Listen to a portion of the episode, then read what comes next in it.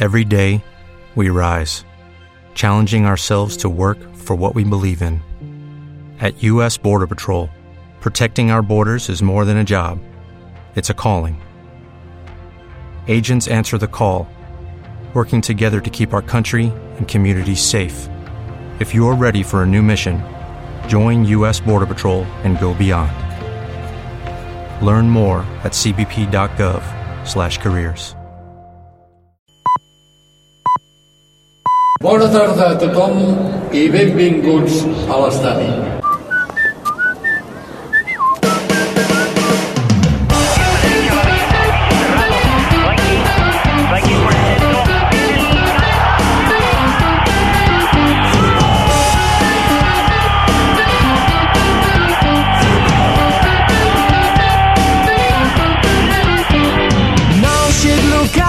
A Cultura FM, marca't un canyo. Każdy dźwiga siatkę piw i kwiatek dla żony Kumple Participa al programa a través del Twitter a arroba marca't un canyo o a facebook.com barra marca't un canyo. pour Manuel Amoros, Amoros de Giret, Giret, Dominique Rousseau. Allez, Dominique, il faut centrer, Dominique. Oh Bona tarda, són dos quarts de nou. Comencem el Marcat un Canyo en un dilluns que a la casa del futbol de Cultura FM tenim molta, però molta teca. Començant pel plat fort de la nit, tenim un convidat d'alçada, un porter, pare de porter, que ha estat un dels millors de la història del futbol espanyol, Miguel Reina. Ell va viure una final antològica entre Atlético de Madrid i Bayern de Munic. Amb ell parlarem de Champions, precisament d'aquesta tornada que pot dur els matalassers a la seva segona final en dos anys. Però també aprofitarem per parlar del Barça, on també va militar durant set anys, guanyant un bon nombre de títols.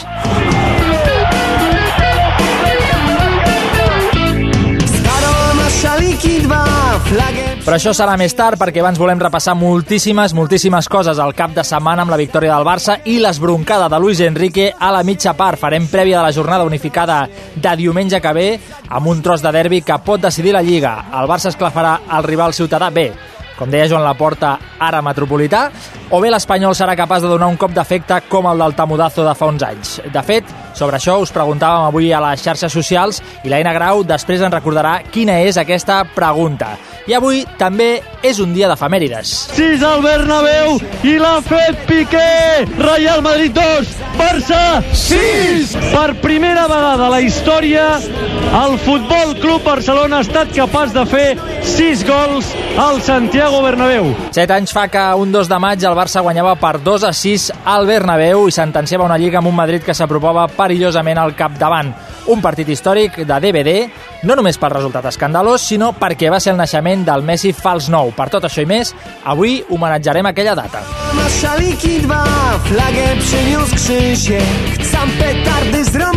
Com us deia abans, parlarem del derbi d'aquest diumenge de la jornada vinent a les 5 de la tarda, jornada unificada i la pregunta del dia que us fèiem avui a les xarxes en la recordarà l'Aina Grau perquè va sobre això precisament. Bona tarda. Sí, diumenge el Barça es trobarà un espanyol rocós i batallador.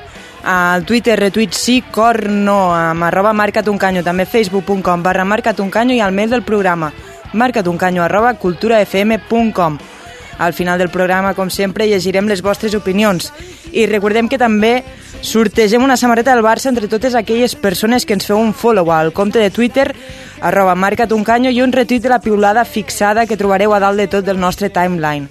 El dia 9 de maig, eh, guanyador, guanyadora. Sí senyora, el dia 9 de maig queda una setmaneta de no res, això està molt interessant i molt calentó, hi ha molta gent que ha fet follow, molta gent que ha fet retweet, per tant, jo de vosaltres no m'adormiria. A la redacció, a la producció, l'Aina Grau, l'Oriol Cortés i la Paula Carreras, que avui han treballat de valent, i els botons del David Gutiérrez Guti. I amb tot el menú servit, situem tot el que ha passat durant aquest cap de setmana. Els highlights del cap de setmana. Ahí va Modric, Modric con la pelota, todavía queda tiempo. Le dice Zidane al equipo que piense que juegue. Lucas Vázquez centra, va a ver, remata, gol, gol, gol, gol. La liga. Y gol. Marca el expreso de Gales, marca Gareth Bale.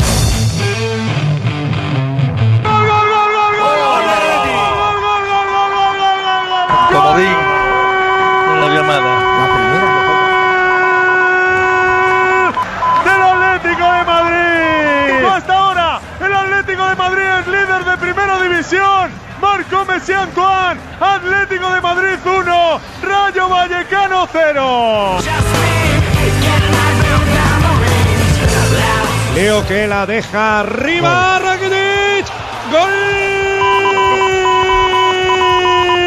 Marca Rakitic, marca el Barça, Betis 0, Barça 1. Messi, oh, la posa per Suárez, el xut de Suárez, gol!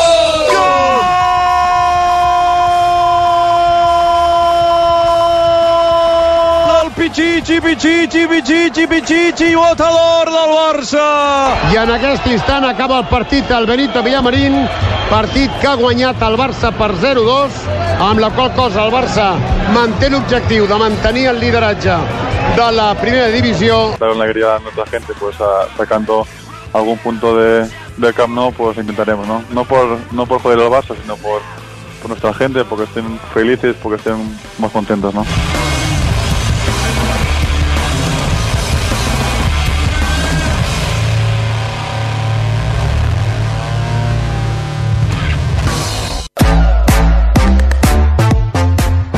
Esteu escoltant el Marca't un canyo a Cultura FM.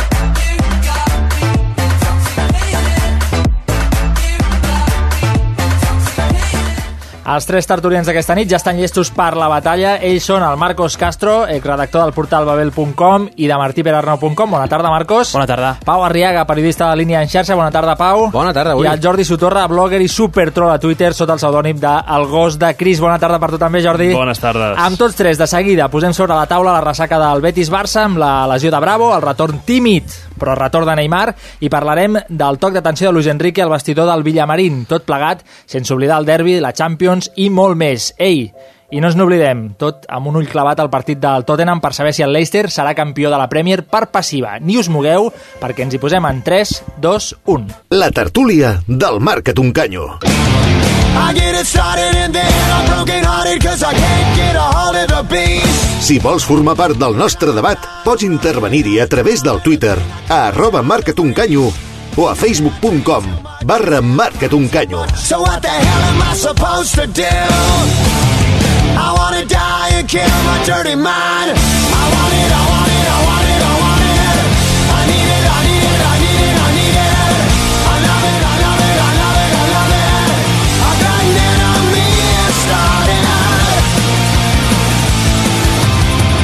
El panorama no canvia i queden 6 punts en dos partits d'infart contra Espanyol i Granada. No sé si en les condicions físiques i mentals que està aquest Barça, guanyar la Lliga tindria un mèrit doble, Pau. Home, mm, com, com, deien, com deien els protagonistes eh, aquest cap de setmana, eh, Piqué i Luis Enrique, tot i que en direccions oposades, um, segurament l'equip té, la, té la sensació eh, que, entre cometes, van perdre la Lliga i ara l'estan tornant a guanyar, i Luis Enrique va tornar a tirar un recadet contra tots els periodistes i va dir que aquest excés de confiança era una cosa de la premsa i que en cap cas el, el vestidor eh, pensava en aquesta línia.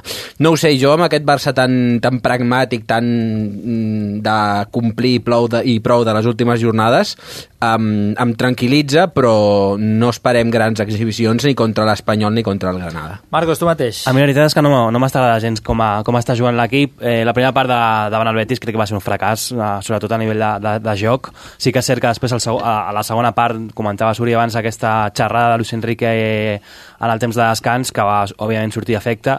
Eh, recordar que el primer gol, a més, ve d'un error de, de la defensa. Jo crec que l'equip està falta, està, està falta d'idees. També, tot i que Luis Enrique també a roda de premsa dir que, que físicament l'equip està bé, jo crec que si comparem aquest equip en relació a la, a la de l'any passat quan va arribar a Berlín a, a la Champions no té res a veure, eh, se l'està fent llarga i jo crec que mentalment la, la derrota davant el Real Madrid es va notar moltíssim, però jo tinc confiança en l'equip i que queden dues jornades importants. Crec que cap equip, tot i que juguin Atlético i Real Madrid eh, entre setmana, perdrà punts, per tant, jo crec que el, el Barça davant l'Espanyol és, és favorit i haurà de sumar 3 punts. Jordi Sotorra. I totalment d'acord amb el Marcos, de que jo crec que cap es deixarà punts, totalment d'acord en que l'equip arriba justíssim físicament, però tu deies mèrit doble aquesta lliga i jo crec que mèrit doble no. Entenc que aquesta és una, és una situació normal, la de guanyar una lliga a l'última última jornada, i que últimament no estàvem acostumats. Últimament, a falta de 3-4 jornades, el Barça jugava tan i tan bé i tenia un joc tan esplèndid que, que les guanyàvem doncs, eh, això a falta de, o sigui, amb distàncies de 10, 12, 15 punts. I, bueno, doncs aquesta és una lliga com les de Tenerife, que es guanyarà fins l'últim a l'últim minut amb el transistor i jornada unificada, que a mi m'encanta, i l'últim partit contra el Granada crec que serà espectacular. déu nhi perquè ningú ha parlat d'aquest Granada, que també jugarà la vida. Brutal, Tot sembla que, que, que vindrà, diguem, amb l'Espanyol, que, que si guanyem a l'Espanyol, o que si el Barça guanya a l'Espanyol, perquè jo no hi jugaré pas, eh, ho tindrà fet, però el Granada compta amb el Granada. Sí, i, i més ara que tots els equips de la, de la zona baixa estan començant a, a sumar i a sumar de 3 en 3. Aquesta, jornada, aquesta última jornada l'Sporting va guanyar, el Granada li va remuntar les palmes, a, a, a veure què fa el Llevant aquesta nit contra el, contra el Màlaga. L'únic que va una mica més justet és el Rayo, i perquè ha tingut Madrid i Atlético de Madrid en les, en les dues últimes jornades. Uh, està clar que si el Granada arriba a l'última jornada amb opcions reals de salvar-se, uh, el partit serà, vaja, mm, decisiu per dalt i per baix. El partit serà decisiu per dalt i per baix, però deixeu-me que torni al partit del dissabte passat contra el Betis a dos quarts de nou de la nit. El Barça va guanyar per 0 a 2 amb complicacions, sobretot a la mitja part, i ahir els companys del Club de la Mitjanit de Catalunya Ràdio van tenir una conversa amb Javi Miguel, redactor del diari Esport, que destapava la conversa de Luis Enrique amb els seus futbolistes a la mitja part d'aquest partit. Escoltem el propi Javi Miguel explicant-ho ahir a Catalunya, a Catalunya Ràdio. Luis Enrique va agafar tot el grup. Uh, en cap moment va indi- individualitzar, eh? ja que ja saps que ell uh, hi ha alguns jugadors que els té una mica de respecte, per no dir una altra cosa, i aleshores va fer un discurs que va haver un silenci podem dir fins i tot sepulcral, eh? que es van quedar tots una mica sorpresos perquè no s'esperaven. Uh, se va dir, el, el primer, eh? Mm, ¿queréis ganar esta liga? ¿Sí o no? Porque me estáis demostrando que no la queréis ganar. Avui la premsa en va plena les xarxes socials, òbviament, també. A la taula, enteneu les paraules de Luis Enrique a la mitja part contra el Betis? Sí, jo sí, perquè la primera part de, del Barça, és el que jo comentava una mica abans, eh, si pensem que és a la jornada 3 o 4 de la Lliga no passa res. Vull dir que perquè l'equip no tenia cap tipus de, de, de joc ofensiu, competitiva. sí, de- de- d'anar a guanyar el partit, i més sabent que el Real Madrid i l'Atlético ja havien guanyat abans. Per tant, a mi m'ha sorprès una mica eh, de com va sortir a- al, al camp els jugadors i per tant entenc perfectament aquesta, aquesta opinió de Luis Enrique al, al descans. Jo, jo l'entenc perfectament perquè el, aquest Barça necessita un extra de benzina i jo crec que Luis Enrique és ara quan ha de treure realment el motivador que porta dins o allò de dir, "Doncs, un dotzer home i ha de ser l'entrenador qui els, qui els posi en fila perquè la primera part contra el Betis és el que dèiem, eh? vull dir, si eh, en un partit on, on t'està jugant la Lliga contra un rival que bueno, està quasi salvat, uh, ostres, el Barça va demostrar poquíssim, amb l'equip de gala, sense jornada entre... O sigui, no venies d'un partit de, de Champions. de Champions. Ostres, que jo crec que més fàcil no ho pots tenir. I ostres, la primera part és, és, és, és duríssima. Després, clar, el Betis es posa amb 10 jugadors i avaluar un Barça amb aquestes necessitats contra un Betis, contra, de, contra un Betis amb 10, doncs és que òbviament guanyes. És que si, si no guanyes aquell partit del Villamarín és per penjar-los de, de, del comparar. I no oblidem que el, el primer gol arriba com arriba, una, una pilota a priori fàcil per la defensa, fàcil pel porter, doble errada, i vaja, Rakitic li cau, li cau la pilota votant i l'únic que ha de fer és empènyer-la, i aleshores doncs, mm, jo crec que el Barça agafa una, un pèl més de confiança veient-se amb el marcador a favor i a sobre amb l'expulsió. Una expulsió per cert que darrerament mm, des de, des de Madrid s'està tornant a posar eh, en dubte no, és que el Barça sempre guanya contra 10 home, eh, l'entrenador del Betis va dir després del partit en roda de premsa són dues targetes que individualment són grogues. Mm, doncs suma, suma I, i que has de ser molt burro per, per, per fer aquelles dues, és una, dues faltes. Sí, sí, a dos és, quarts una, de camp... és com la, la, la és falta una- de Torres al partit de Champions. Exactament. Són I és una un errada de central que es precipita, una errada del, de Heiko Westermann en aquest cas, i, i no hi ha res a dir. Dues grogues, mm, targeta vermella. Tant és que sigui al minut 20 com 70, com... mm, És que és igual. En el fons també podia haver estat expulsat Dani Ceballos, que va fer un partit Mm. deplorable, Sí, sí. si m'ho deixeu dir així, per tant no sé a què ve tanta queixa. Mira, l'un per l'altre, podríem canviar els cromos. No, suposo que també el que comentava el Jordi era saber, perquè això no, no ho sabrem mai, com, com hagués jugat el Barça en aquesta segona part amb igualtat numèrica, perquè òbviament a la primera part ja li va costar moltíssim. Vull dir, Eh, generar joc, tenir espais al davant... Exacte, el partit no feia bona pinta en cap cas. No. Uh, I bueno, és un joc molt pla del Barça. És a dir, és, és, és, el típic cas de dir, bueno, doncs queden dues jornades, aquesta, aquesta, un empat ens serveix per anar tirant. Fins i tot l'ambient enrarit, amb la gent cantant Atlético, Atlético, que és, un, és una cosa que a mi em, Sí, va, sí. em va sobtar bastant. Sí. Una mica no, estrany, no sé, sí, a, a, sí. vull dir, em sembla molt bé que a títol individual o, o en massa l'afició del Betis vulgui que guanyi, que guanyi la Liga a l'Atlético, com si volen que la guanyi, no sé, el Getafe. Però d'aquí a posar-se a cantar Atlético, Atlético, doncs no ho sé. Hi va, hi va una estona. Uh, un dels protagonistes del partit va ser Claudio Bravo, va ser substituït per una lesió i tot apunta que serà baixa contra l'Espanyol. Confiança total en Ter Stegen? I tant. Confiança cega. Absoluta. Sí, sí. Absoluta. Claudio Bravo, per tant, pot descansar tranquil. I jo crec que la situació actual de la porteria del Barça mm, segurament, vaja, si, si de mi depengués, no, afortunadament pel Barça i per mi no, no depèn de mi, però canviaria l'any que ve. Jo crec que Ter Stegen ja és l'hora que assumeixi el, el rol de porter, no del futur, perquè a ell no li agrada, sinó porter de present. No, és que perquè si, si no se n'anirà, vull dir, es voldrà anar. Vull dir, i amb, i amb, amb, I, i plantegeu, amb tota raó. Plantegeu la fórmula Eh. de Ter Stegen a Lliga i Champions. No la voldria. O sigui, Ter Stegen ho vol jugar absolutament tot. I jo ho entenc, perquè si ha de ser un dels millors porters de la pròxima dècada... Mm... Sí, però també ho era, Bueno, Val, també però- ho era Valdés Sí. i, i deixava la Copa per, per Pinto. Ah, si, si, és, si el que entra en el debat és la Copa, aleshores... Ara, convenç a Bravo de que donar-li la volta, que Bravo ho accepti... Però també és veritat que Bravo és un porter Més que, veterà. que pot donar molt més que no una Copa del Rei. Sí, Sí, però de la mateixa manera sí, Bravo pot però- justificar que amb ell has guanyat dos lligues si és que Exa- guanyes aquesta. Exactament, exactament. Com li Sí, dius sí. que de cop i volta jugarà a la Copa. Clar, clar. O sigui, que, que, que No la tu- Champions, no, la clar, Copa. Clar, que, que tu, amb, amb una visió de futur, diguis, jo aposto per Ter Stegen, em sembla correcte, però en termes de justícia, uh, Bravo no ha fet res com per ser relevat de la porteria. En absolut. És, jo, jo, és una qüestió de... No, però és una qüestió aposta, però és una de aposta, vull una, Sí, sí, sí, sí, una sí. aposta al Sí, final. és una aposta. Però crec que l'aposta del club a nivell de futur era fitxar Ter Stegen, perquè al final acabés guanyant. Mm. I al final feia entendre a, a, a Bravo doncs, aquest perfil una mica més de Pinto, de jugar a Champions o jugar a Copa del Rei, però és que si no Ter Stegen s'anirà. Vull dir, jo porto mesos ve veient diaris com dient que ve el City, que ve qualsevol equip. Sí, el Liverpool, jo estic fins al gorro, sí, sí. I normalment és que ell, òbviament, té 22-23 anys, vull dir, vol- voldrà, voldrà jugar més minuts, Ah, com és estic, obvi. estic d'acord, però si tu a Bravo li planteges de només jugar a Copa, molt probablement, molt probablement et tregui una llista de clubs que li han fet oferta i dirà, ei, Però, però aquí, Però és que jo- aquí la qüestió és, preferiu un Ter Stegen titular i pròxim porter de la dècada i, i, i fitxar un altre personatge sí. perquè Claudio Bravo marxa? O confiar en Masip per la Copa. Per exemple. per exemple, per exemple, que Uah. Masip, el de Masip és, per mi és incomprensible. Per mi també. Porta dos anys en blanc, un, un porter que a la segona divisió era un bon Ep, porter. O comprar un porter veterà tipus Larson, però un porter... Un Larson, en, por, un Larson en porter, això, el nou Larson a la porteria, Larson. no? No, no, no, no, però em Sí, sí, refereixo sí, sí, a, sí. no, Al perfil, al perfil, no, sí. no a Pinto, però No, sí, potser sí. no acceptaria perquè és titular al Nàpols, però un tipus Pepe Reina, que et Sí, pot salvar sí, sí. una copa, Sí, sí, sí, tranquil·lament sí, ell solet, és un porter bo, ens Sí, agradarà sí. més o menys aquells acudits, aquelles sí, històries, la selecció, la roja... Sí, sí. Camarero, camarero... No, No, tot allò, Sí, sí, tota sí, aquella sí. història, però al final és un Sí, tio sí, sí. que et pot fer el fet. Sí, sí, sí. O sigui, veig molt més factible això que no tenia Bravo només per la Copa. Mm -hmm. Clar, jo el problema que jo veig aquí és que, si, que no sé si Luis Enrique té tan clar per quin porter apostar de cara a la propera temporada. Jo sí, el, la seva aposta és Bravo. Ah, Se, sempre doncs ho ha tenim estat. un problema. Jo crec ah, que no, tenim no. un problema Sí. perquè tens un, ju- un jugador com Ter Stegen, vull dir, un porter, que ja va demostrar l'any passat la seva primera temporada amb el Barça, Mhm. guanyant la Champions amb parades increïbles, per tant té aquest problema. Amb, amb això que diu el Marcos, tres partits seran suficients, és a dir, els dos que queden de Lliga i el de Copa, No, no, seran que- suficients per convèncer Luis Enrique? És que molt probablement Sí. sí. Uh, Ter Stegen Bueno, no tingui sí, oportunitats... Sí, però potser Ter Stegen no té oportunitats de lluir en aquests tres partits. Sí que tindrà, sí, ja ho veuràs.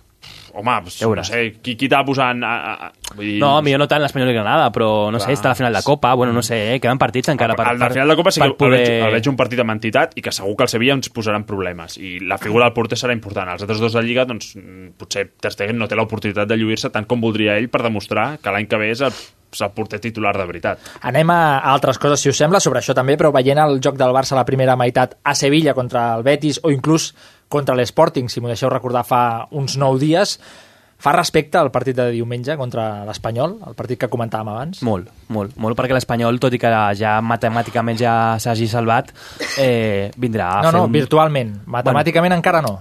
Però hi ha, hi ha d'haver una carambola amb, amb sí, no? però jo cinc crec resultats. Que, sí, sí. Ho té molt difícil, eh? però bueno. Sí. Clar, jo que tampoc, això, aquest fet de, de salvar-se no influeix va, de cara als jugadors de l'Espanyol, m'explicaré. Perquè un derbi gairebé és més especial per l'Espanyol que pel propi Barça, sobretot durant les últimes temporades.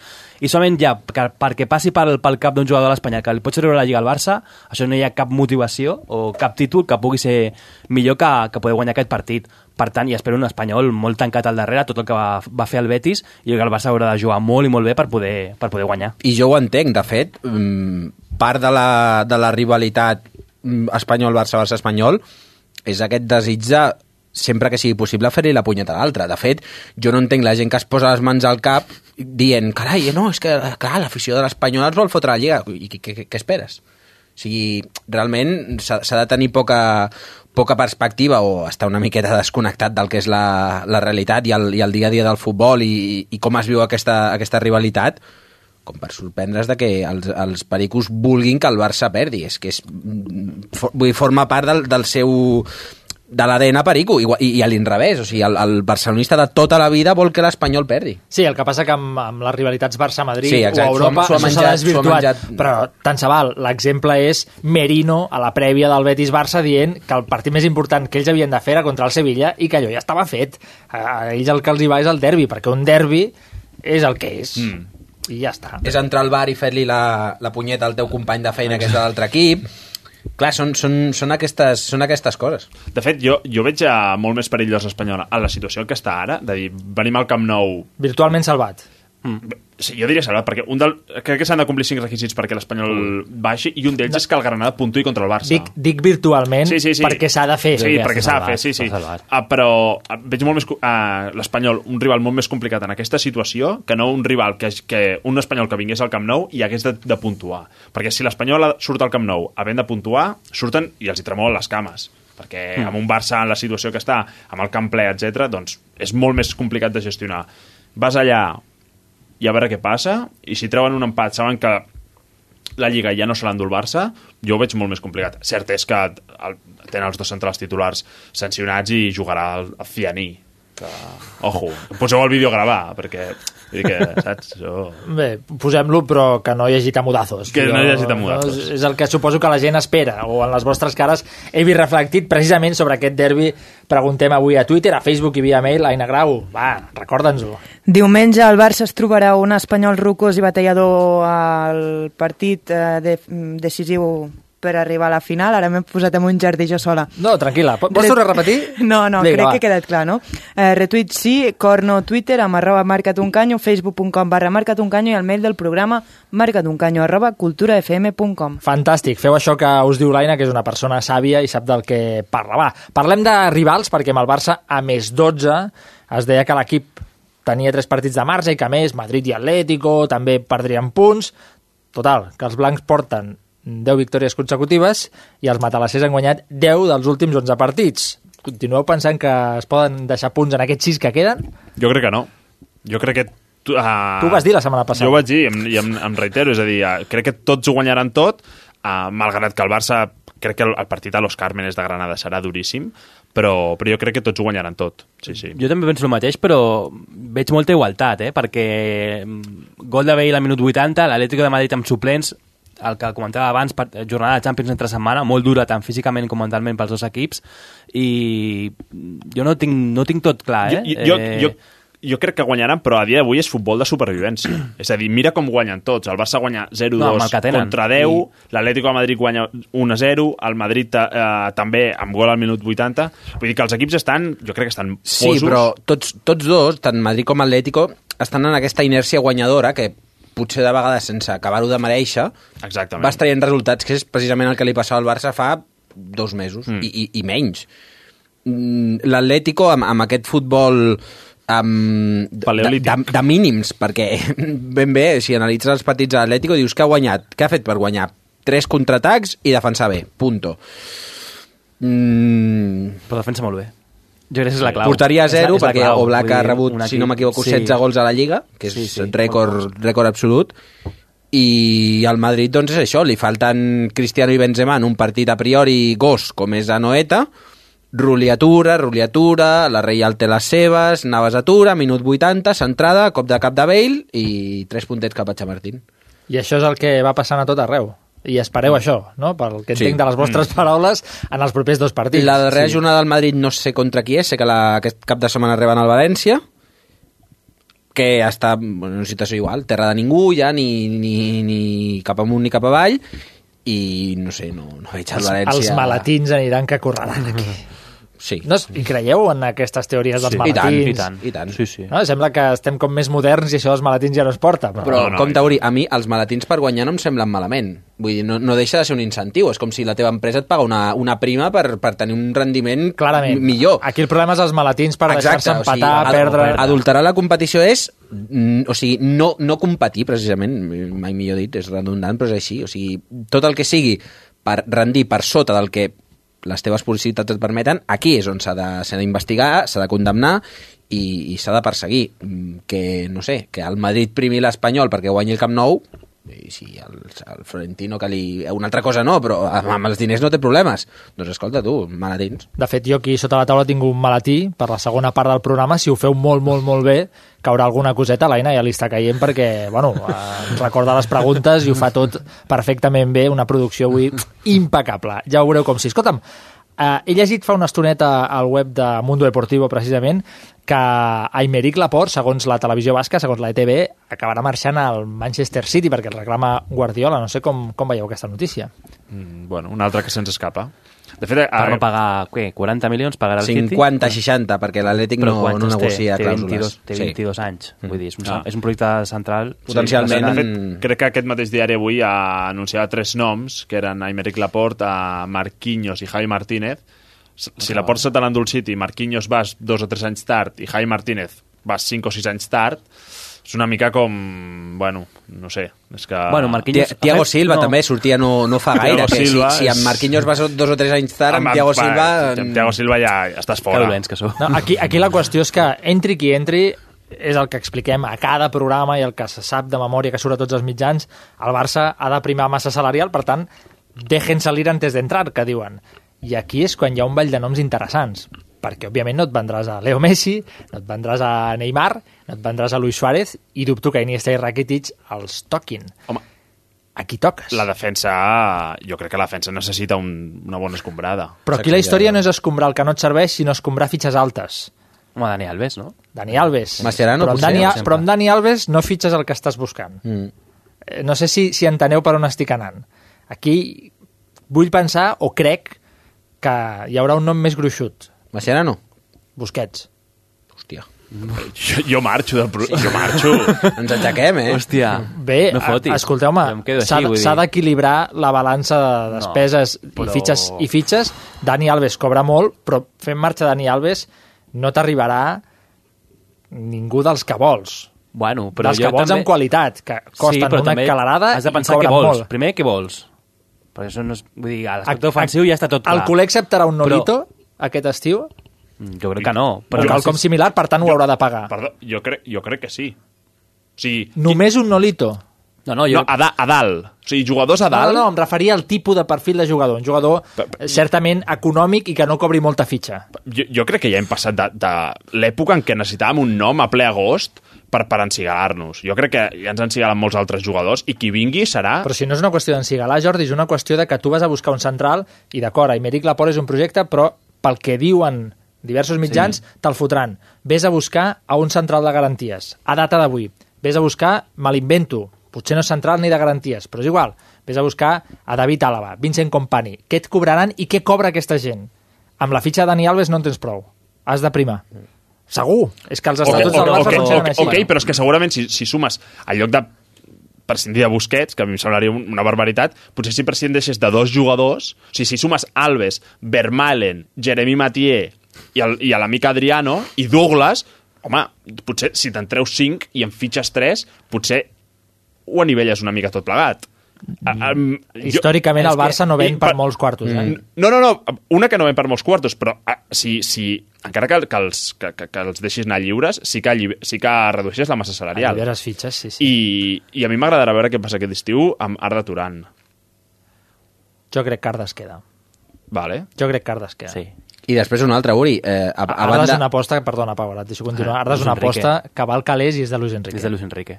Arda es queda. És una aposta de Luis, és una I- aposta de Luis i Arda, Enrique. I Arda se li, li hem de veure una temporada sencera. Sí, no, no, jo, jo, jo no estic dient que no... Estic amb el Marcos. Sí, sí, jo no estic dient que no Després valgui, eh? podrem avaluar, eh? però I jo és crec que de és- moment... és un- I, i, he sigut molt crític. És eh, un fitxatge de Luis Enrique, però el dia del Madrid crec que uh, Rafinha passa per davant seu, Rafinha tornant de lesió, jo crec que a dia d'avui uh, Sergi Roberto passa per davant seu, uh, vull dir, em sembla un jugador que, no, no dic que sigui dolent, eh, però si estem parlant d'alliberar fitxes, i un jugador que potser té marcat a Xina, o inclús algun equip europeu, per mi és Però són, mira, però si tu penses el que estàs dient, estàs dient Sergi Roberto i Rafinha, que ja sí. saben molt bé com jugar al Barça, quin, quines, quins automatismes té, té, té el joc de l'equip i ara de Turan encara no els té. No, sí, no, no, Vull no, dir, no estic dient que no valgui, com li va eh? passar a Rakitic, eh? que Rakitic al principi també molt li va criticar i la temporada va, va acabar com va acabar. No eh? estic Amb- dient que amb no un gran valgui. sigui, a mi és un jugador que... Digues, digues, perdó, Marcos. No, no, que jo, vull dir que jo també encara em costa veure'l en un sistema de joc com el Barça, que precisament l'Atlético de Madrid era, és totalment diferent, mm. perquè, bueno, reté més la pilota, i moltes vegades jo crec que a l'equip això no li va bé, o també li va, va passar amb el canvi de Rakitic al, al, al, al, amb el Barça-Madrid també, mm. que l'equip ho va notar moltíssim, però jo crec que li donaria una segona oportunitat i sóc més partidari de fer ventes com, vendes com les que tu, com les que tu deies, perquè jo crec que defensivament l'equip necessita un fitxatge però no un d'un suplent, sinó d'un titular que pugui competir amb Mascherano, amb Piqué... Sí, sí. Vull dir, O sigui, jo crec que Mascherano hauria de començar a ser el tercer central, en lloc de ser el central titular. O sigui, em sembla un molt bon jugador, però vull dir, és un jugador gran i que com a jugador més de rotació pot aportar... A mi m'agrada com, a, com a líder, del, bueno, és, un, és, un, és el líder del vestidor. Sí, sí, sí, vull està clar, és el Però sí que és cert que, que va ser com un, bueno, com un cromo que vas ficar allà al central quan no era realment central, mm. i jo crec que una, Marquinhos, és un jugador que m'encanta, pot jugar de lateral com de central, jo crec que a central, òbviament, seria, tindria un rendiment molt, molt, més, molt més mm, idoni que el de, que el de Mascherano. Exacte, però ja que parlem d'Arda, que potser el, el bon any és el segon, potser sí que hauries de portar aquest any a un central perquè comencés a alternar-se amb Mascherano i ja explotés i fes, fos el central Compro, titular compro. del Barça ah, la, la, la propera temporada. Compro. El problema és qui, perquè de tots els noms que heu dit, o són molt cars, o arriben tard, mm, i després, si no, perquè tens la figura de la secretaria tècnica. Jo crec que ha d'estar també per proposar noms que a priori no... O sigui, És que que, jo que no part- vagis a fitxar el central del City perquè, com deia Núñez, jo soc, fitxava la parti, seva jo portera. soc partidari Exacte. de fitxatges com Erika Vidal, per, Per exemple, exemple. o Yaya Touré. Però, però és que un dia podríem repassar tots els centrals que ha fitxat el Barça en concepte de central i veure No. quin ha triomfat. Cap. Cap ni un. Zigrinski... No, Cap ni un. Tots no, no, són... sí, els tenim, sí, avi- sí, eh, Els tenim, eh? No cal tenim buscar en ment. l'informe. No, no, els Jo tenim. crec que els trauríem. Sí, sí. Els tenim, però jo dic de perfil a Vidal, perfil a Vidal, no, vull dir, venia d'un Lyon, vull dir que hi ha jugadors, o moltes vegades jo fico l'exemple de, de, de Moreno, el que està al PSV, que estava avançant Sí. a l'Espanyol, vull dir, un central boníssim, que el tema aquí al costat, i ningú, les, el que comentava el Pau, la secretaria tècnica, no sé què fan, anava a dir un insult. Eh, vull dir, no, és al final, con el seu sou... Sí, i, No, sí, a les, sí. a les 9 i 2 jo crec que podies Sí. insultar. Per, per, home, si nosaltres que entrenem de cada futbol ja tenim jugadors, ells que, vull dir, és la seva feina, imagina't si no poden tro- trobar un central de garanties que no sigui ni Laporte ni Marquinhos, Clar, és que és- et cobraran 40 50 milions d'euros. Exacte, exacte. Vull dir, Déu-n'hi-do, I- déu-n'hi-do i- com està el mercat. I, i tampoc sona cap nom uh, més o menys emergent, no? perquè sonen, mm. jugador, sonen jugadors contrastadíssims. Sí. Ostres, doncs algú més, no sé, un, poso, de Ter Stegen, un jugador que et ve del Borussia Mönchengladbach, que no ha tocat Champions, etc i que el pots fitxar a un preu sonen jugadors contrastadíssims perquè el que es vol és el segon central Clar. del Barça, Clar, no el clar. tercer ni el quart. Vale, doncs llavors paga. Braida, uh, si no m'equivoco, ha estat uns, uns dies pentinant Home, el... Ariedo, eh? Ariedo, el, ara feia, ara feia Don Ariedo. setmanes, ara feia setmanes que Don Ariedo no sortia en aquest programa. com, vaja, eh, l'home eh, problemes d'adaptació no en tindrà perquè l'han posat a, a pentinar al mercat italià i havia sentit que, que eh, no, ara no recordo malament si Luca Antonelli o alguns centrals del Milan que, vaja, mm, jo em posaria a veure, no sé, críquet abans que confiar que la l'eix de la defensa del Barça a Itàlia. un senyor a que aquest any defensi la samarreta rossonera. Ah. Àlex va, va tenir una cagada l'altre dia contra el Frosinone. qui, qui va ser? Àlex, Àlex, Ah, el del estava al brasiler, PSG. aquest Sí, encara sí, està jugant. sí. Sí, sí, encara està jugant a una data Però avançada, et, diguem. et diuen a, a, a ple agost que fitxes el central del Milan I surts corrent. i se t'atraganta l'orxata, que, que no, no la paeixes. Eh? El gelat... No, jo la imatge la tinc amb Pau. Arriaga mm, jugant a críquet. Jugant a o, críquet. o veient partits de críquet. Això sí que em sembla... Vestit de blanc, a les 5 parant per fer el te. Em sembla... Pakistan és Sri Lanka, no? Esfereïdor. Escolteu, canviarem de tema. Consti, i deixo dit ara entre parèntesis una nota important, no vull en cap cas que un futbolista de la mesura i de la grandària de Sergio Busquets marxi del Barça, però En algun nom gruixut has de deixar anar perquè si no tens un, tens un problema. Abans us explicàvem que un 2 de maig de 2009 el Barça de Pep Guardiola va fer la golejada més sonada de la seva història al Bernabéu. 2 a 6 contra el Madrid i a casa seva. I per tot allò que va significar volem recordar-la amb aquest muntatge de la Paula Carreras. Ahí va Sergio, balón bueno.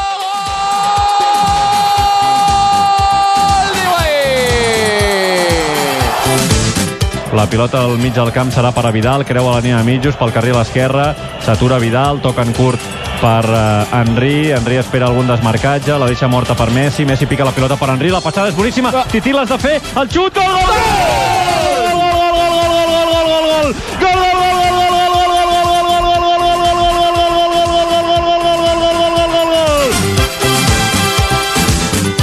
Aixeca la mà dreta, atenció, pica Xavi cap al segon pal, salta Puyol, remata Puyol i gol! Puyol és, Puyol! Ha marcat Puyol, ha marcat Puyol, ha marcat Puyol! Puyol és gol! Puyol és gol! Puyol és gol! Acaba de marcar Puyol al 19 de la primera part al segon. el Madrid 1, Barça 2, roba Xavi, ara sí Leo, ara sí Leo, ara sí Leo, ara sí Leo, xuta, gol, gol, gol,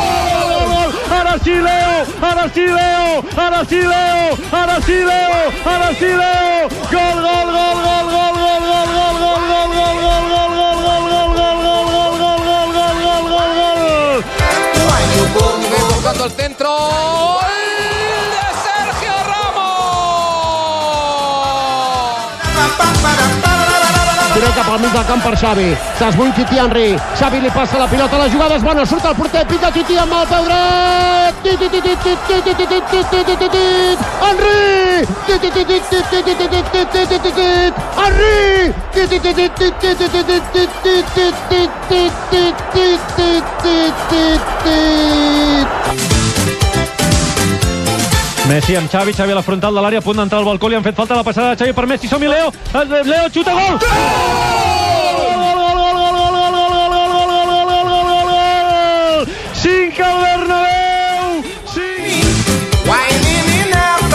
Messi on espai a la dreta per Eto'o, la rematada Piqué, Eto'o l'ha vist, Eto'o farà la centrada al centre, Eto'o, remata Piqué, se li escapa el porter, recupera Piqué, remata Piqué, i gol, ha marcat Piqué, marcat Piqué, marcat Piqué, marcat Piqué, marcat Piqué, gol, gol, gol, gol, gol, gol, gol, gol, gol, gol, gol, gol, gol, gol de Piqué.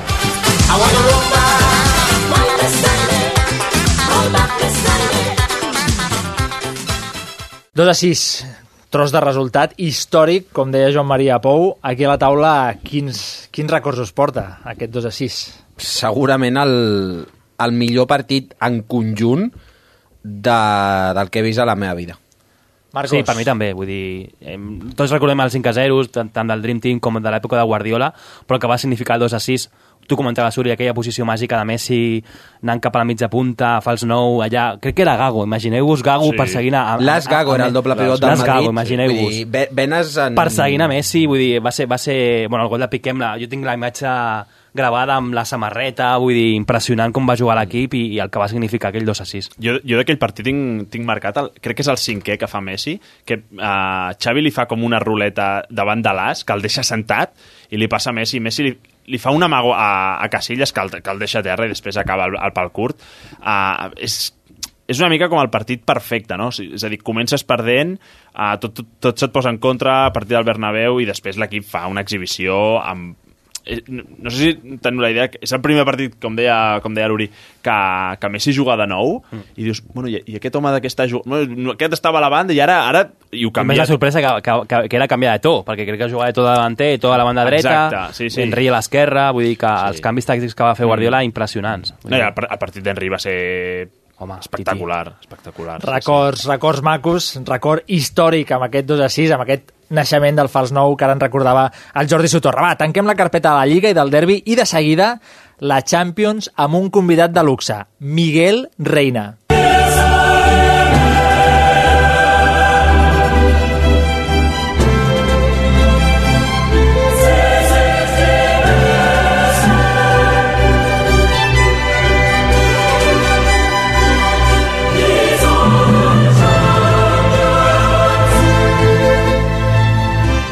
Sona la música de la Lliga de Campions i encarem les semis sense el Barça, però amb Madrid i Atlético buscant la final de Milà. Avui ens volem centrar en el partit de demà a l'Allianz entre Matalassers i Bavaresos i per fer-ho contem amb un històric del futbol espanyol. Aina Grau, qui és el nostre entrevistat d'avui? Doncs és Miguel Reina, jugador format a les categories inferiors del Córdoba que debuta a primera divisió l'11 d'octubre del 1964 en un Córdoba-Elx. Dos anys més tard, al 66, fitxa pel Barça, equip amb el que va guanyar dues copes del Generalíssimo i una Copa de Fires. Set temporades com a blaugrana, on també aconsegueix un trofeu Zamora. Va ser la temporada 72-73, la seva darrera com a blaugrana. Reina aconsegueix el trofeu Zamora després d'encaixar 21 gols en 34 partits. Després de set temporades com a culer, fitxa per l'Atlètic de Madrid. Equip amb el qual aconsegueix una Copa del Rei i un campionat de Lliga la temporada 76-77. Miguel Reina, a més a més, disputa la que fins al moment era la primera final de Copa d'Europa de l'Atlètic de Madrid. La data, el 15 de maig de 1974. Bayern de Monica i Atlético s'enfrontaven a Brussel·les en un partit que va acabar amb un empat a un amb pròrroga inclosa. El partit de desempat, dos dies més tard, el Bayern el va guanyar per 4-0 i es va alçar com a campió d'Europa. I a aquesta hora de la nit el tenim a l'altra banda de telèfon. Eh, Miguel Reina, buenas noches. Hola, muy buenas noches. Un verdadero placer y gracias por vuestro recuerdo. No, gracias, gracias a usted por aceptar nuestra invitación a participar en este programa de hoy. Mañana, comentábamos, eh, se juega el partido de la temporada para el Atlético, uno más de hecho, porque este Atlético ya no es el Pupas. ¿Cómo lo vive alguien que estuvo siete años en ese club? Pues afortunadamente, en principio, darte las gracias por reconocer que ya no somos el Pupa o que no es el Atlético Madrid el Pupa. Y, y bueno, el recuerdo que fue entrañable. Llegamos a una final después de, muchos avatares, de un Galatasaray, de un Dinamo Bucarest, de, en fin, eh, de una eliminatoria importante y, y que fue una pena, yo creo que a ese encuentro le sobraron los dos últimos minutos y, y bueno, y que había que aceptarlo como deporte que es, ¿no? Y nada más. Eh, Un recuerdo entrañable y, y ahí está, una vivencia única. Me agradecía que, que ya dijera que eso del Pupas había pasado en este programa. Sí, sí, Ah, sí. Llevamos unos años discutiendo precisamente eso, ¿no? Si esa etiqueta se ha ido ya para siempre o no. Algunos defendían que sí, otros que no. Supongo que por su respuesta Miguel Reina lo tiene clarísimo, que esto se ha ido. Bueno, aunque aunque esa etiqueta también la teníamos que haber quitado hace dos años en la finalísima con el Real Madrid, ¿no? Que también continuamos siendo el Pupa.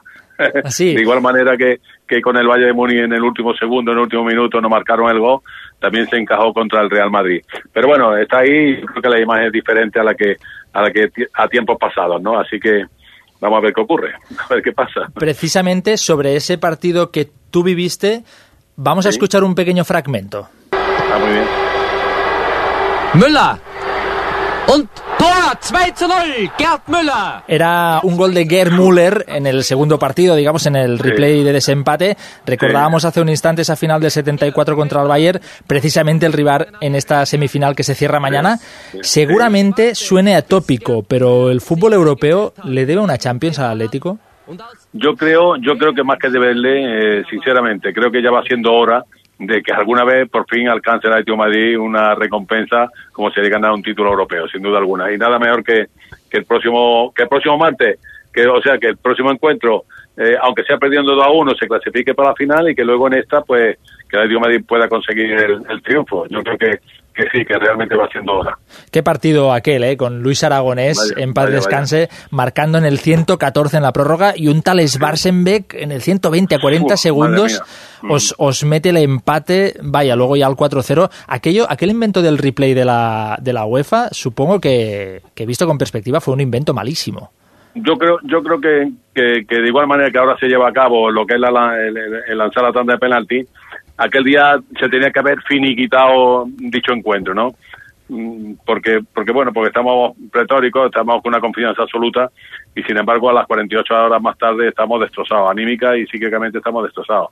Y físicamente ni te cuento, éramos una pavesa de lo que 48 horas anteriores había sucedido, ¿no? Y además, eh, eh, allí empieza la gran era del Bayern de Múnich y De no sé si sí. eso también echando la vista atrás, uno puede decir, oye, y, y si hubiéramos ganado, ¿por qué no podía ser la gran era del Atlético de Madrid? Podría haber sido, pero no obstante, eh, me das pie para decirte una cosa. Yo recuerdo que ahí en el Camp Nou, en el Camp, yo vi, yo vi y presencié cómo el Manchester United remontó un encuentro de igual manera Sí, que, nosotros perdimos. Sí, señor. Y precisamente fue contra el Valle de Muni, ¿eh? Exacto. que iba ganando 1-0 y en dos corners consecutivos marcó el Manchester United los dos goles. Quiero decir que, que bueno, que, que, el fútbol es así, y, que, y que se alimenta de esas sorpresas enormes, ¿no? Pero bueno, no es menos cierto también que, que ese mal de muchos no lo desearía yo, ¿no? Eh, hubiese deseado un triunfo y nada más, y aquello recordarlo como lo que fue, ¿no? Y ya está, pero ¿qué vamos a hacer? La historia se escribe así y hay que aceptarla, ¿no? Con usted bajo palos y con Luis Aragonés como técnico ganaron, atención, ¿eh? una intercontinental, una copa y una liga. Y con el Cholo, el Atlético actual, ha ganado una liga, una Europa League y una copa, entre otros títulos. En cierto modo, no sé si podríamos dibujar un espíritu y una idea de fútbol similar entre el mítico Luis y Diego Pablo Simeone. Vamos a ver, yo te, yo, yo quisiera expresarlo públicamente y sin ánimo de herir susceptibilidades. El Atlético de Madrid ha cambiado absolutamente todo su sentir. Yo creo que Simeone le ha impregnado a los jugadores un, un, un decir, eh, ustedes pueden, créanselo. Y en el fútbol es importantísimo el que el jugador tenga su confianza. Como decía Buckingham, Buckingham, un entrenador que tuvimos ahí en el Barcelona, ¿no? Que decía, escúcheme, usted está jugando en el Barcelona, pues usted es el mejor. Así se lo decía a se lo decía a Torres, y se lo decía a Fusté y a cualquier otro. Él no nos daba ninguna táctica a seguir. Usted está jugando en el Barcelona, pues yo entiendo que usted es mejor. Salga ahí, yo no tengo que dar táctica, jueguen ustedes. Y recuerdo que fuimos subcampeones perdiendo, empatando 1 a 1 con el Atlético Madrid en su campo y el Valencia ganaba o perdía en campo el español. Quiero decir que, mm, que, que el jugador se lo tiene, al jugador se le motiva con eso, con, con la confianza, con la tranquilidad, con, con el decirle eres el mejor y, y, y esto es lo que está impregnando Simeone en ello, ¿no? Que, que está depositando una confianza y el jugador se lo cree, el jugador se lo cree. Y hay una piña enorme y, y, en el campo eh, una vez más se demuestra que, que, la amistad y la, y la confianza y el cariño debe existir absolutamente en el Atlético Madrid. Y bueno, y todo es un uno, ¿no? Todo es un- una piña y, y esos son los resultados, obviamente. Gran, gran trabajo precisamente el del Sí, Cholo sí, y me parece muy bien que lo haya reivindicado usted desde, desde, nos- desde donde nos está hablando. Decía antes que, que estuvo siete años en Madrid, pero antes estuvo también siete años en Barcelona. Se Siete y siente medio, sí. siete y medio. ¿Se siente más culé o más colchonero? Ya supongo Mire que es fácil. yo lo he esta. dicho, yo lo he dicho en reiteradas ocasiones y una vez más me pronuncio públicamente ante toda la afición española. Vamos a ver. De niño tú tienes siempre un ídolo o, o- o- o tenemos un ídolo y un Sí. equipo. Mi equipo por excelencia siempre será el Barcelona, el equipo, el Barcelona. ¿Quién era mi, mi ídolo? Don Antonio Ramallé, con letra mayúscula. Hombre, Don Antonio tanto, Ramallé, y tanto. efectivamente.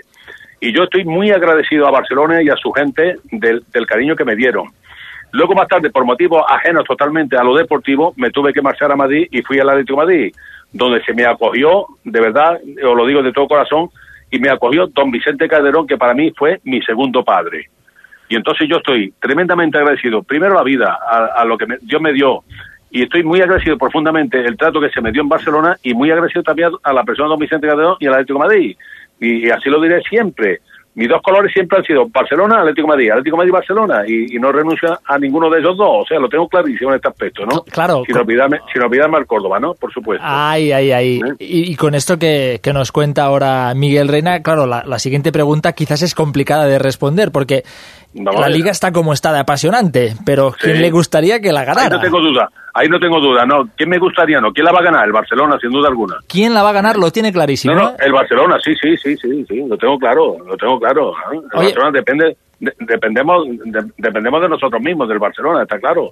Y lo digo dependemos porque de igual depende el Atlético de Madrid, pero que hoy por hoy el Barcelona es el líder y, y, y es así, eh, y, y que no se moleste nadie. El, el, los corteros quitan los valientes. No, no, creo, creo que, ahí, coño. Que Miguel Reina, con esta energía que desprende, debería haber ido también al Villamarín a la primera parte porque estaban un poco flojos los jugadores del Barcelona, ahora lo No, decíamos no, un no poco os en el preocupéis, no, que no, que no, que no, que no, que no, que ahí hay, ahí hay calidad incuestionable para, para que el Barcelona sea campeón. Lo que, lo que sí es cierto, y además os lo digo mi palabra de honor, bajo mi palabra de honor, eh, he pedido alguna apuesta aquí en, en Córdoba, ¿sabes? Que es donde resido actualmente, porque dije que sacaría 12 puntos el Barcelona al segundo, cuando iba con 11. Pero bueno, es igual, si la liga se va a quedar en Barcelona, no os preocupéis. Pero la confianza está ahí. Volviendo a la Champions, Miguel, eh, seguramente el Bayern saldrá a acosar al Atlético porque no le queda otra. Sí, ¿Qué sí, le aconsejaría una persona experimentada en fútbol como usted a la plantilla de Simeone para salir con el billete para la final? Pues luchar como lucharon, luchar como lucharon en el, en el partido de ida y, y en este de vuelta, pues que, que nos acompañe la suerte o que la acompañe la, suerte de Atlético Madrid y que no caiga goles. Y nada más, y si ha de encajar, pues que marque uno. y aún perdiendo por 2-1 que sepan que están clasificados, pero sobre todo pedir, pedir a la divina suerte que no que, que la tengamos o que la tenga el Atlético de Madrid, sin duda alguna. Con, con su discurso positivo, supongo que la que le voy a hacer ahora sobra, pero ve al Atlético capaz de levantar esta Champions. Yo sí, si pasa, si pasa, para mí el, el, el, equipo más fuerte ahora mismo, sin duda alguna, es con el que se va a enfrentar el. Para mí, ¿eh? El Bayern. Con todo mi respeto, sí, sí, el Valle, sí, sí, sí. No, no, mañana partido duro. ¿eh? Incuestionable, incuestionable. Y mañana va a ser durísimo, porque es que el Valle te hace mm, 40 ocasiones de gol. Si es que el Valle lo está viendo y yo lo estoy siguiendo a través de la televisión, y es que es impresionante el equipo que tiene y cada uno de sus jugadores y los componentes de los mismos. Pero bueno, vamos a ver si, si realmente el Atlético de Madrid tiene esa suerte que un día se le negó, ¿no? Vamos a ver, Dios lo quiera, ¿no? En ese sentido, quizás es un poco injusto con, con el Atlético de Madrid, porque siempre se dice que, que esto del cholismo juegan muy a marrategui, a dar patadas y demás, y precisamente contra el Bayern, que es un equipo que, como decíamos ahora, genera 40 ocasiones, no lo tuvo tan fácil en el Calderón el otro día. Quizás es un mérito enorme que no se reconoce suficiente. Sí, pero que, pero volvemos a lo mismo. Mm, que Dios que Dios te dé suerte, que suerte no te vale, ¿sabes? vamos, vamos a tener suerte y a ver si es verdad que una vez más la obtenemos en, eh, mañana, pasado mañana, ¿no? Mañana, ¿no?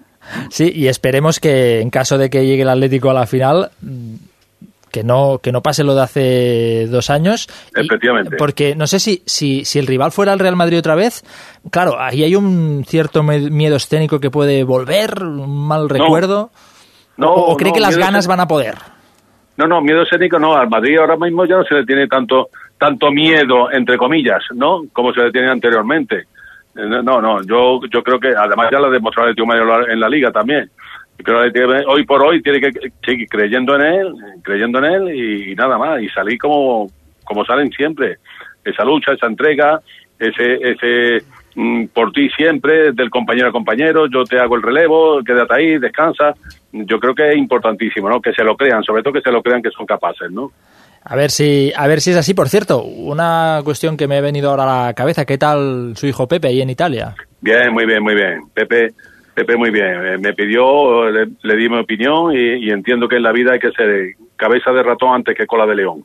Y, y Pepe, lo que no puede estar es sometido a, a estar de suplente, además del, del mejor portero que para mí existe o hay ahora mismo, que, que es Manolo Nauer, el, el portero del Bayern. Sí. Y, y él lo que tiene que hacer es jugar, que, que el fútbol es divertirse, hacerlo, eh, disfrutar de lo que de lo que estás haciendo y nada más. En la vida hay que disfrutar de lo que uno de lo, de lo que uno quiere. Y Pepe quería jugar, pues nada mejor que, que, eh, que irse y, y jugar, que es lo que está haciendo. Y además le están saliendo las cosas fenomenales. Mm, ¿Qué podemos pedir más? Pues ¿no? gracias a Dios, ¿no? Me quedo con esa frase, ¿eh? antes hay que ser cabeza de ratón que cola de león. Me ha gustado, Sí, sí, me ha sí, gustado mucho. Además, al final la carrera de un futbolista, y usted lo sabe bien, Muy breve, sí. es muy breve, con lo cual hay que aprovechar al máximo. Y con, porque- una, y con una interrogante total. Y lamentablemente la tenemos ahí un ejemplo. Una lesión te puede apartar del fútbol en cualquier momento. Y entonces vamos a disfrutar de la vida, vamos a hacer de lo, lo que nos gusta y, y nada más. El hecho de, de estar en una gran plantilla, en un gran club, eh, no es todo. El todo es realizarte a ti mismo, ¿no? Y Pepe, gracias a Dios, pues lo está consiguiendo, ¿no? Eh, Disfruta de lo que hace y fenomenal. Y que dure, y que dure, porque el título de liga se, le escapó al Nápoles, pero la temporada que viene estarán en Champions. No sé si a Miguel Reina le gustaría un duelo Nápoles-Atlético en la siguiente A mí, me, Champions. a mí me encantaría, me encantaría porque supondría que el, el Nápoles ha hecho sus deberes y ahora el Nápoles lo que tiene que hacer es todo el esfuerzo que ha realizado a lo largo de esta temporada, que los tres últimos encuentros que faltan, que no se le vaya, que no lo tire por la borda, ¿no? Así que lo único que pido es que sigan ahí, que se lo sigan creyendo de igual manera que digo para Madrid y nada más, a jugar y, y ya está, y a disfrutar del mismo. Por cierto, un Nápoles que no le estamos dejando ver ahora a Miguel Reina, que está jugando, Bueno, gana 1-0, bueno. gana 1-0 al Atalanta. Gracias, hombre, gracias por tu noticia. Gracias Sí, no, no, no estaba al caso, ¿eh? pues No, ya, ya le digo yo que... pero, pero como me he retirado un poquito para no molestar a mi esposa. Pues ya, ya, ya le pues me- digo, me- minuto 19, Ah, hombre, 1-0 para el. Nápoles. Hombre, muchísimas gracias, muy amable, gracias. Eso, eso va bien para que el me Nápoles consuela, me siga ahí. consuela, muy bien. Eh, ya venga. tengo los nervios un poquito, ya se me están yendo un poquito más. Pues ahora, ahora seguimos ya 20 minutos más. Muy Ya, bien, ya no viene de aquí, bien. yo le voy informando. No, no, en serio. Eh, venga, va, que terminaremos la entrevista con un Magnífico, pro- lo que tú quieras, nada, tranquilo, no te preocupes. terminaremos la entrevista con un pronóstico para mañana. ¿Qué resultado le pone a ese Bayern Atlético? Mira, yo dije, dije 1-0 y 1-1 en la vuelta, pero que te vuelva, acepto, acepto la derrota del 2-1 también, no hay ningún problema. Ah, exacto, exacto. El valor Sí, doble sí, en campo sí. contrario, ahí está. Y, y para la Liga, eh, ya me ha dicho que la ganará el Barça, ¿no? No, no, el Barcelona, sí, sí. Clarísimo. Además, eh, Era por si a ver si se lo había mismo- repensado. No, hay, hay, hay un restaurante muy, muy afamado ahí en Barcelona que además tiene, tiene el porqué de ser, que Canferrán. Yo, yo Los juego canelones, unos los canelones. Unos canelones. Yo me juego unos canelones y vamos a ver al ver, que, que es un fenómeno. Increíble. Eh, el, que quiera, el que quiera que se lo juegue conmigo. Barcelona, campeón de liga. Yo, yo me los juego, pero, pero haremos la misma está. apuesta, pero solo por ir con usted a hacer los canelones. Pues gracias, estás invitado. Per- oh, perfecto. Invitamos. Le tomo la palabra, ¿eh, Miguel? Vale, Vamos- vale, ya está, ya está hecho. Perfecto. Va- Vamos, vamos a vernos ese día a tomar unos canelones porque me han Muy dicho bien. que son la leche, esos canelones. Sí, sí, son- sin duda alguna, te lo recomiendo, de verdad, además es una simpatía, un agrado, una familia enorme.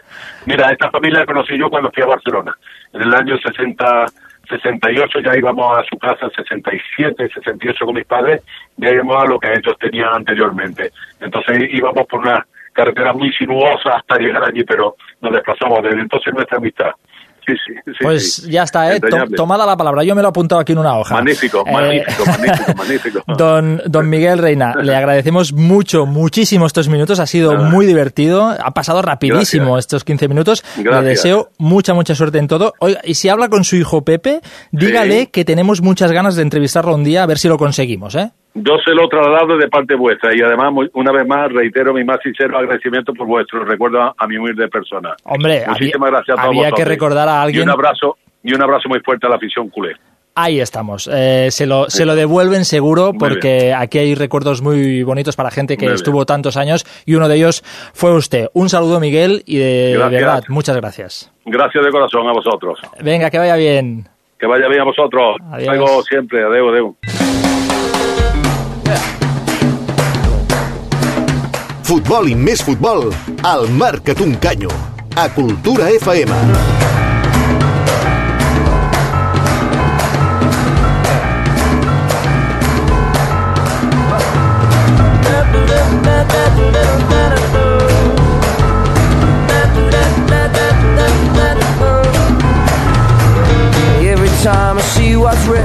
Miguel Reina, déu nhi quin personatge, ha sigut increïble, ens ho hem passat molt i molt bé, exporter de Barça i Atlético de Madrid, que ha destacat, a mi mm, hi ha hagut una qüestió, a banda de Canalons i, i del Nàpols, i que hem rigut molt amb, amb ell, la seguretat que tenia en dir que el Barça era campió sí o sí. A la taula, ho veieu igual? Us ha sorprès diguem, aquesta vehemència que ha utilitzat? Segurament en gent que ha conviscut i, i, i coneix els codis d'un vestidor de futbol, eh, doncs mm, no sé, no, no m'estranya.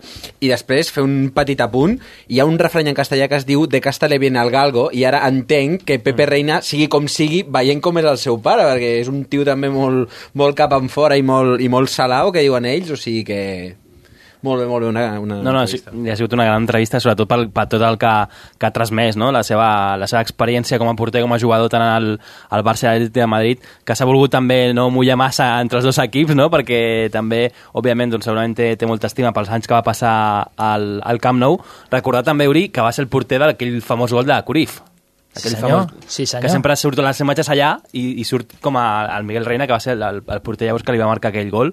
I, òbviament, també coincideixo amb el que diu el Pau, de que, el, bueno, que abans que tu també comentaves el tema del, del, del Pepe Reina, no? dels acudits, aquesta, aquesta fama que té, òbviament, amb el, amb el pare que té, doncs és obvi que el fill també surti, surti així.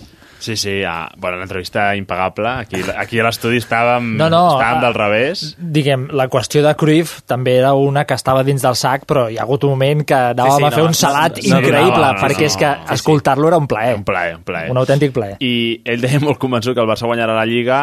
Em sembla que fa més i mig deia molt convençut que el Barça li trauria 12 punts al segon. Vull dir que calma, ca- calma. Vull ja dir que... sabia jo que algú d'aquesta taula... No, no, però que home, s'agraeix que ell tingui tanta confiança, tanta confiança en el Barça, perquè bueno, al final és algú que en sap i bueno, deu veure l'equip millor que nosaltres. No També sé. ha parlat de Champions, d'aquest partit partidàs entre sí. Bayern de Múnich de, i, i Atlético de Madrid.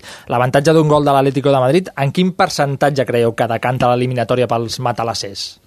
A mi em sembla eh, significatiu i jo crec preparar per fer un mínim de 3 gols. perquè no sé per què el Nas em diu que en una d'aquestes contres de l'Atlético que de vegades no saps ben bé d'on surten uh, marcarà, o si no Saúl s'inventarà un golàs com el que va fer la, la setmana passada i... Senyor gol. Senyor. Sí que si marca Messi no passa res, perquè és que és com una còpia d'un Sí, sí, gol que hagi marcat Messi. gambetes i amagos Sí. i cap aquí, i definició amb l'esquerra. Um, I és això, jo uh, crec que si el Bayern vol passar, uh, haurà de fer 3 com a mínim i si no m'equivoco aquesta temporada ningú li ha fet 3 gols a l'Atlètic de Madrid no sé si el el Barça li, li en va fer dos a l'anada i... I gràcies. I gràcies. No, no, no, té un sistema defensiu impecable. No sé si hi haurà guardiolada, perquè, clar, davant d'un sistema així... Bueno, ja, ja, ja va haver Guardiola del partit d'anada, no? Quan va, quan va sentar Müller i va apostar per Koeman, però bueno, això és molt típic de Guardiola.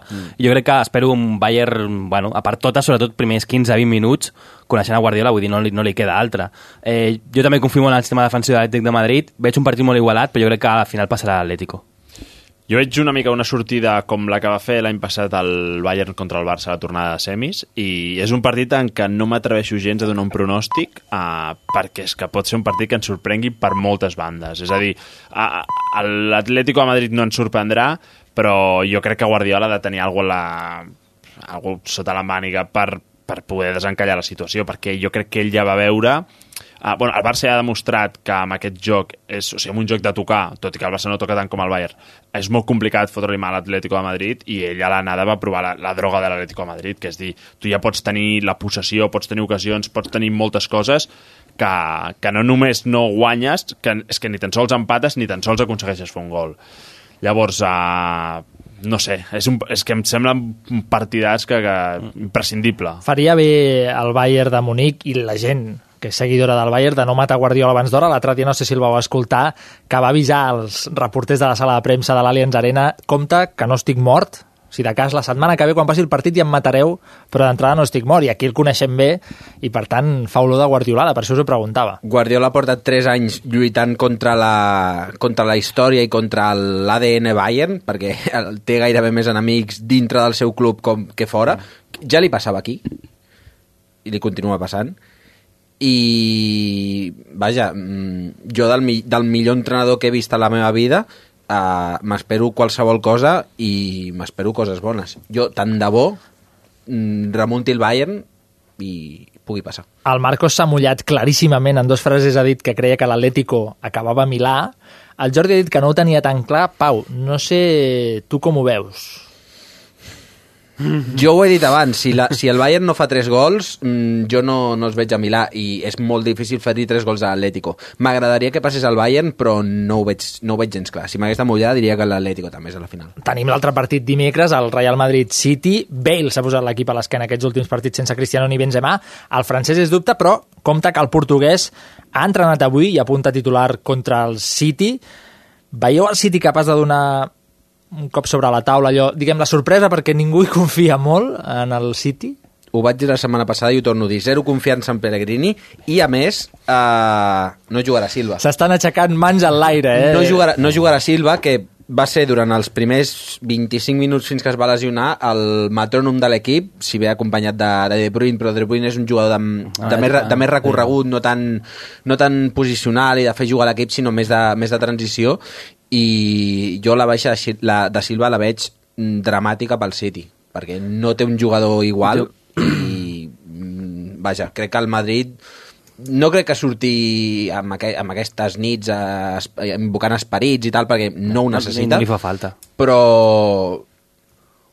mm, el, el mateix que amb el Bayern. El, si el City marca fora, és possible que al Madrid li entri una mica la- la- l'angoixa. Jo veig molt favorit al, al Madrid. Jo també. Eh, coincidim amb les teves paraules de Pellegrini, jo crec que és un bon entrenador, va, va triomfar molt al Villarreal, però hem de, hem de ser sincers, vull dir, el Real Madrid i el Manchester City ha fracassat com a entrenador, no sé mm, per quin equip fitxa després de, de deixar el City, i sobretot pels, pels jugadors i pels recursos que, que té l'equip. Igualment crec que no, tampoc arriba en bon moment, a la Premier jo crec que òbviament ha quedat molt, molt, molt enrere dels, de la resta d'equips, i sí que bueno, el Kun Agüero té, té jugadors, o el mateix de Bruyne, però la defensa jo crec patirà molt el dimecres i la mig del camp també. Eh, jo crec que l'únic objectiu del City solament és poder arribar a descans amb un 0-0 o intentant allà buscar alguna jugada de contraatac a la segona part, però veig el Madrid també bastant favorit i més si, si torna Cristiano.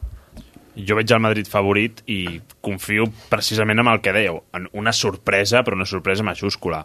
Uh, L'únic que em pot, uh, em pot donar certa esperança és uh, el tema de, de la gestió del partit, és a dir, uh, em semblaria un escenari molt normal que el Madrid s'avancés amb un 1-0 i després el Madrid a veure quina és la seva, la seva postura, no? És a dir, anem a pel segon, eh, anem una mica a conservar aquest 1-0, i llavors en aquests dubtes del Madrid, en aquesta situació d'un 1-0 a favor dels blancs, és on crec que el, el City podria tenir alguna oportunitat d'empatar un. Si no, doncs, no sé, algun alguna, alguna acció molt puntual del, del City amb Agüero o amb De Bruyne Agüero, que esperem que jugui el partit, perquè diguem que el, el de Va dimitir. va fer, exacte, va Sí, fer una, sí, una sí. demissió bastant sí, sí, però bastant és que important. si no confiem en Agüero, o sigui, és, és, jo crec que és no, clar, de, les poques coses que Silva, ens queden. Silva fora, Touré, Mm. mm. que és un nombre del que va ser, mm, Fernando i Fernandinho, que Clar. hi són pel que són, Nasri, que jo no entenc ben bé el, bueno, aquesta dimensió, Navas, que va fer una feina més fosca, és això, et queda Agüero. Sí, sí, no, i els dos, Tot- la, els dos laterals que tenen, Ol- em sembla Oli- una calamitat. Olina, Agüero, no, no, els quatre laterals del City són, són calamitosos. Veurem, veurem què passa demà a l'Allianz i dimecres al Santiago Bernabéu i com es defineix aquesta final de Milà, perquè la cosa Bé, està bastant encarada pels equips de Madrid, però encara hi poden, hi poden haver sorpreses. Deixem el debat del mercat aquí i marxem corrents, corrents, corrents, cap a una nova edició de l'Euro 11. L'Euro 11, amb Marcos Castro.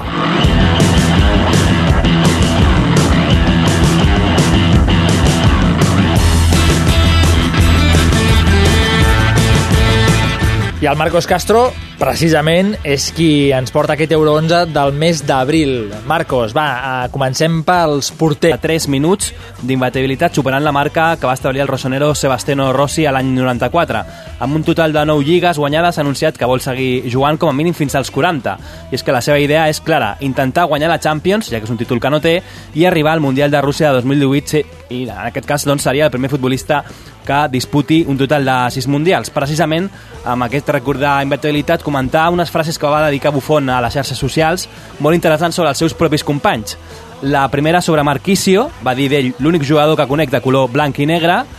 El segon sobre Paul Pogba, perquè no viu al futbol sinó que l'inventa. Sobre Dybala, aquesta em sembla boníssima, perquè si després de Duram, Zidane i Pirlo el 21 el porta ell, algun motiu hi haurà. Sí, senyor.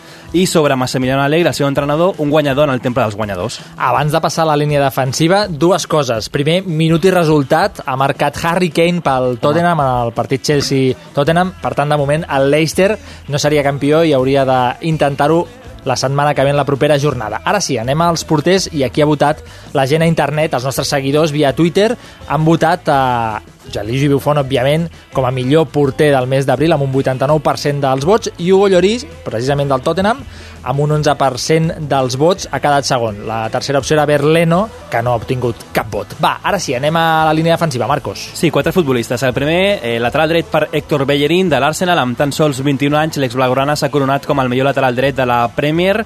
Ha centrat en aquesta posició, el català és el segon futbolista de la plantilla que més minuts ha disputat a la competició, i és que cada jornada doncs, demostra la seva capacitat per pujar l'atac quan la jugada ho demana, i ha donat un total de 4 assistències als seus companys.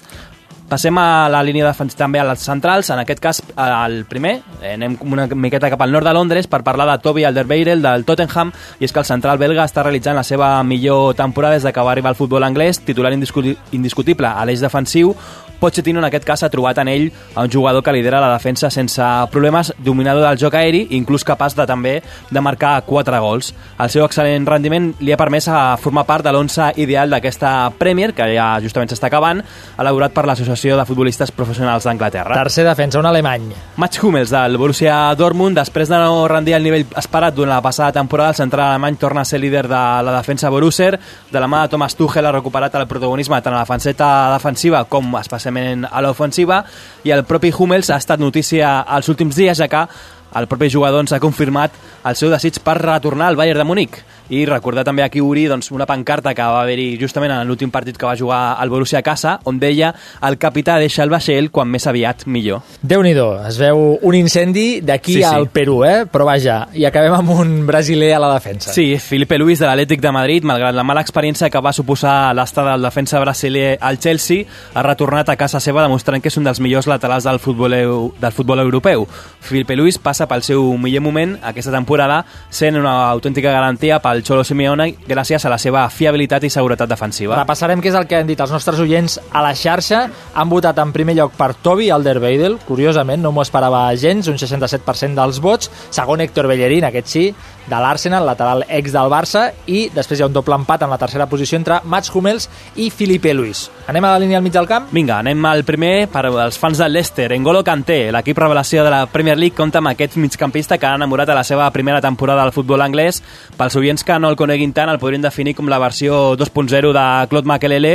És un futbolista amb una gran capacitat física, sentit tàctic i el que li agrada molt pujar, pujar l'atac quan té ocasió, ocasió i comentar també breument un tuit que em vaig trobar ja fa, fa setmanes que és molt interessant per parlar justament d'aquesta gran condició física És molt de, de Kanté que diu així el 70% del planeta està cobert d'aigua, la resta per N'Golo Kanté. Ja deia jo que el trobava pel metro, pel carrer, amb la moto. Un dia el duia de paquet i mira, vaig pensar, què fa N'Golo Kanté aquí?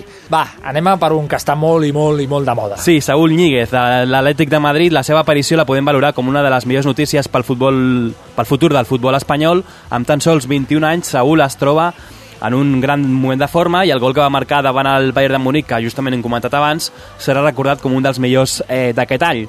Malgrat la seva exper inexperiència i el marge de millora que té per endavant, és un migcampista amb una gran capacitat física, típic dels futbolistes de, que vol tenir Simeone, però també amb una excel·lent tècnica individual.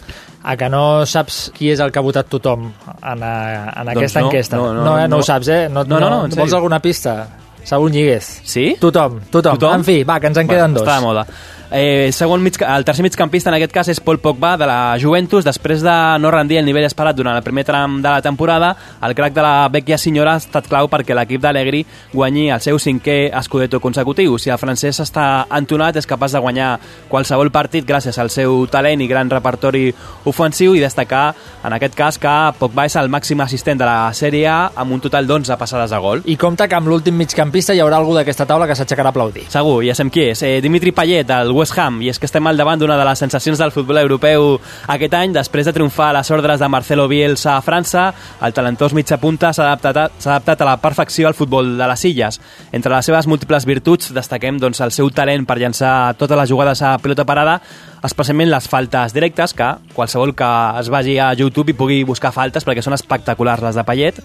Eh, resumim una, eh, les dades de- d'aquest jugador aquesta temporada, un total de 9 gols i 10 assistències, números que han ajudat als Hammers a ocupar una meritòria sisena posició, lluitant pel Manchester United amb aquesta cinquena posició que dona accés a jugar a Europa la temporada vinent. I mentre el nostre tertulià aplaudeix des de la banda aquest nomenament de Dimitri Payet, vaig a llegir que ha votat la gent a internet, com us deia, 100% dels vots per Saúl Níguez, l'home de moda, seguit de Dimitri Payet, amb un 56% dels vots.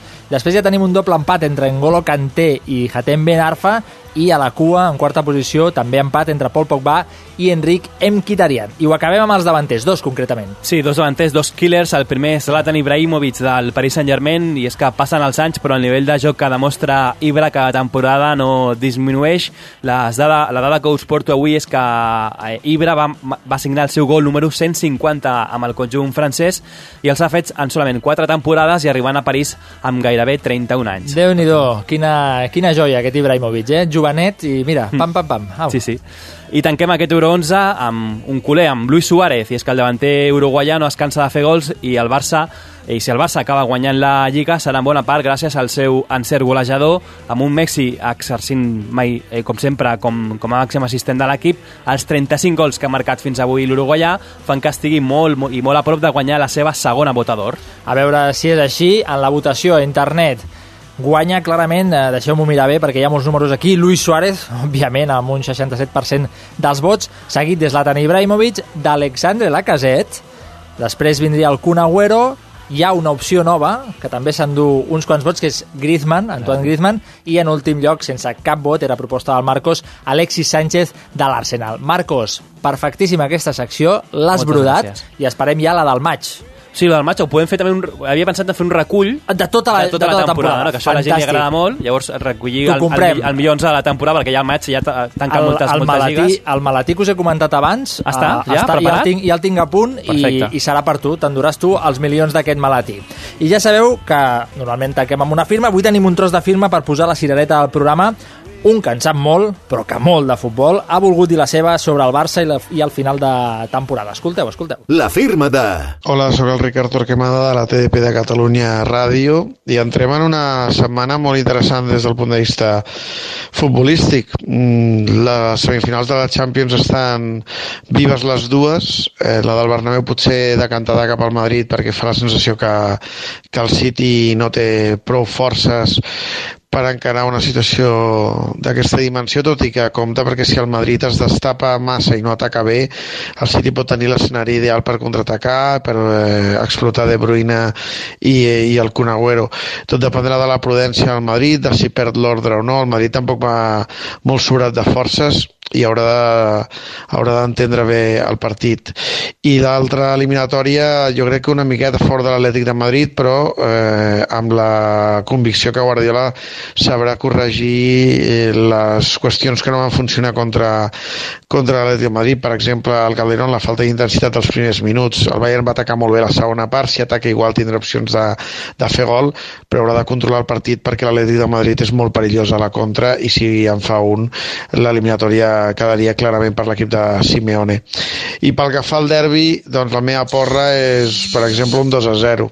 Crec que el Barça no està exuberant, però necessita eh, guanyar el partit eh, i encara que l'Espanyol li falta un punt i sempre va al Camp Nou amb ganes, un punt per estar salvat matemàticament, crec que s'imposarà la lògica de qui necessita els punts per guanyar la Lliga. Una abraçada per tots.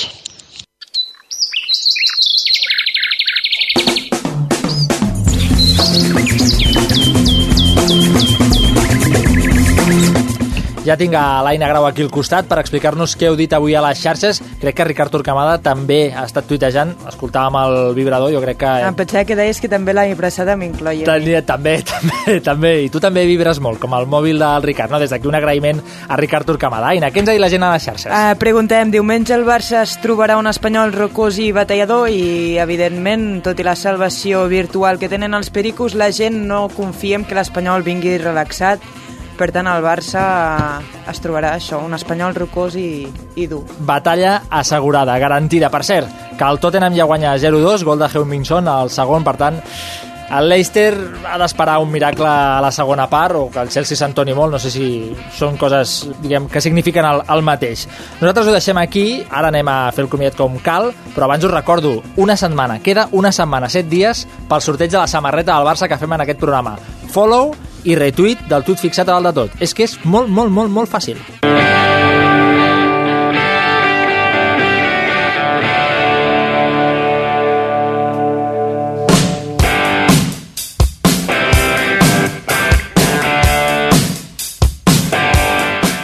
En res, en dos minutets acabem el programa d'avui. Quedaran 10 per les 10 en punt de la nit. Que maco que és dir tot aquest minutatge en 3 segons.